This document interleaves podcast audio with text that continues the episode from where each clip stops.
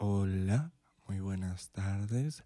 Este es un podcast llamado Descuento. Obviamente no tenemos ni un guion ni una investigación exhaustiva desde antes. Obviamente me voy a trabar. No sé hablar muy bien, no tengo ni la dicción perfecta, no tengo un amplio vocabulario también pero espero ser cagado y espero cumplir con sus expectativas. Y si no, ven, ahí ya me trabé. Y también no lo voy a editar. ¿Por qué? Porque no, me, no quiero tomarme el tiempo de editar esta madre. Lo único que quiero es hablar y ya.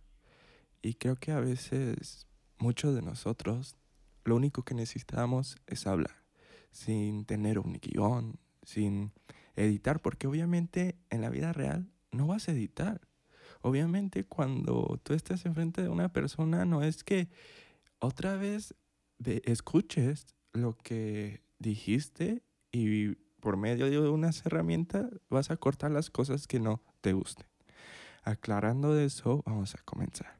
El tema que yo me di la tarea de, de buscar es el bullying. Ay, el bullying es algo que yo lo conozco demasiado bien. Lo conozco desde que era un niño. Mm, más o menos el primer acercamiento que yo tuve con él fue cuando yo tenía unos, ¿qué serán? Unos 10 mm, años cuando iba en tercero de primaria. Eh, recuerdo que yo iba a la escuela y a mí me empezaron a decir, Lelo, no sé por qué. Obviamente, Lelo, para los que no se sepan, significa como menso, significa como este, estúpido. A mí me empezaron a decir así, ¿no? De que, ay, no, tú estás bien, Lelo. O quería hacer algo y me decían, no, tú estás bien, Lelo. O me equivocaba porque como algunos no saben, otros sí, yo este me costaba mucho hablar.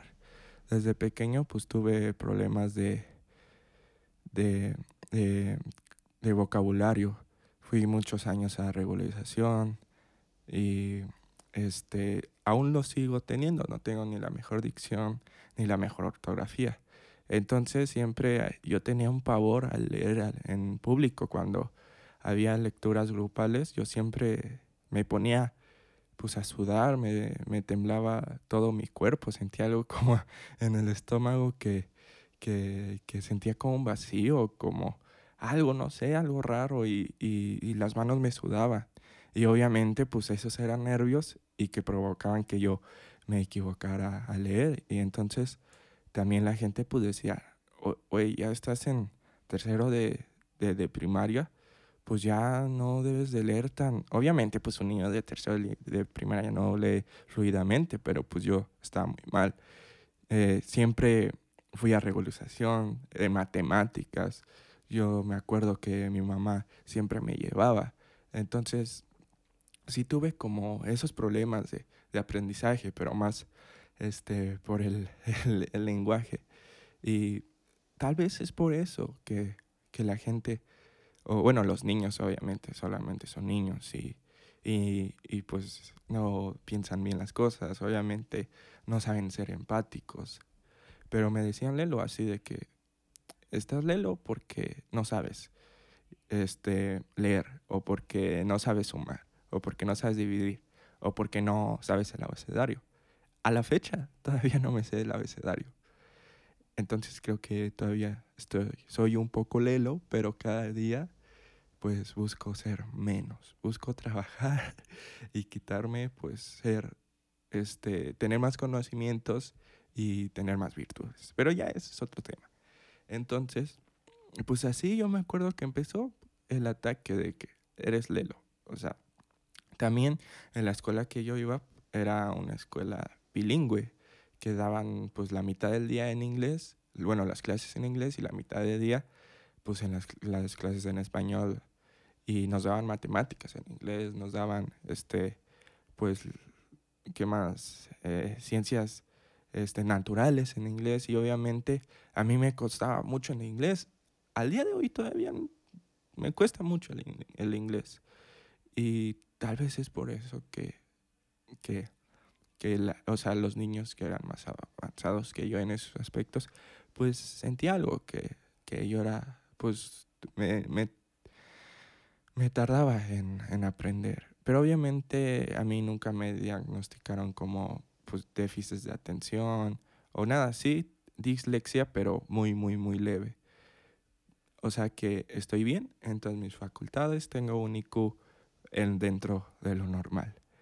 Y yo recuerdo una vez que una bueno, era mi amigo, era raro, o sea, es como de esos amigos que son pasivos agresivos, que es tu amigo pero te ofende, pero este te pone apodos.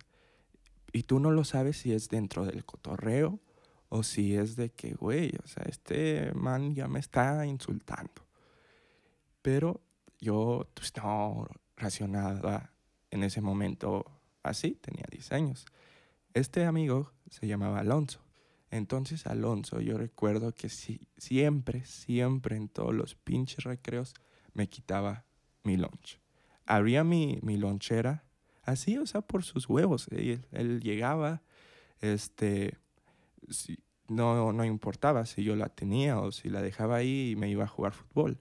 Ese güey la abría y se comía mi, mi sándwich, se comía este, mi lechita que me ponía. Y, y, eso me emputaba un chingo, o sea, realmente me enojaba y me enojaba, pero yo no hacía nada al respecto. Yo lo dejaba pasar. E, ese güey muy feliz porque sabía que si, o sea, él hacía eso, tenía, pues, se salía con la suya y yo pues no le iba a decir nada. Y pues me, me imputaba mucho, realmente me enojaba mucho. Y luego, obviamente que ese, bueno, ese bullying, el, el, el, bravucón, uno, hay que llamarlo así, tiene el bravucón dos, que siempre le hace bulla, que siempre le hace coro. Y me acuerdo que ese chavo se llamaba Emiliano, obviamente que Alonso tenía Emiliano. Y si no era ese güey que me chingaba a mí, mi lunch era el Emiliano. Yo recuerdo que siempre el Emiliano, yo estaba en el salón por sus así, por sus pelotas, agarraba y me ahorcaba del cuello. y yo pues no hacía nada. Obviamente, desde ahí yo creo que empezó mi problema de no hacer nada, de dejar las cosas pasar de quedarme callado. Bueno, yo una vez cuando se ha acabado el ciclo escolar, le dije a mi mamá de que, oye, estos tipos me están molestando. Me dicen Lelo. Todo el salón me decía que era un Lelo. Este, me quita mi lunch. Este, y hacían todo este tipo de actitudes. Y mi mamá fue a hablar. Obviamente, pues mi mamá salió como leona. Porque, pues es una madre. Y yo creo que todas las madres Obviamente hay excepciones, harían lo mismo. Y pues habló con la directora y al año siguiente, que creo que nos pusieron en, en grados este, pues separados y ya no me tocó. Obviamente yo me tuve que conseguir más amigos, pero eso lo recuerdo. Recuerdo que este fue mi primer acercamiento con el bullying y yo no hice nada. Entonces, desde ahí ya, desde ahí yo me, me predispuse. Yo sabía que si alguien me molestaba, me quedaba, me, me tenía que quedar callado. Y a lo mejor eso era por que igual este, yo tenía un hermano mayor y obviamente, pues sí, nos molestábamos, él me molestaba y si, no sé, él me pegaba, lloraba y enseguida iba mi mamá o cosas así. Pero en la escuela obviamente no estaba mi mamá y ir con una maestra pues me daba pena. Yo recuerdo que ir con los maestros y decirle, oye, este cabrón me está molestando, me daba pena. O no quería, este, pues me daba, no sé, que en ese, a lo mejor no sabía que era eso, pero sí, orgullo de que, güey, ¿cómo me están molestando a mí? Obviamente, iba en una escuela de paga. Mis papás, no sé por alguna razón, pero este, la primaria y el kinder fueron en escuelas de paga y después hasta la universidad en escuelas públicas. No tiene nada que, o sea, no agrega nada de valor a la historia, pero solamente para este hacer contexto y decirles, ah, pues por tenía este era una escuela bilingüe. Bueno, ese fue mi primer acercamiento con el bullying y en el siguiente capítulo vamos a hablar sobre el cuarto año. Chan, chan, chan. Así que espérenlo muy pronto. No sé cuándo lo voy a subir, pero de que se sube, se sube. Gracias.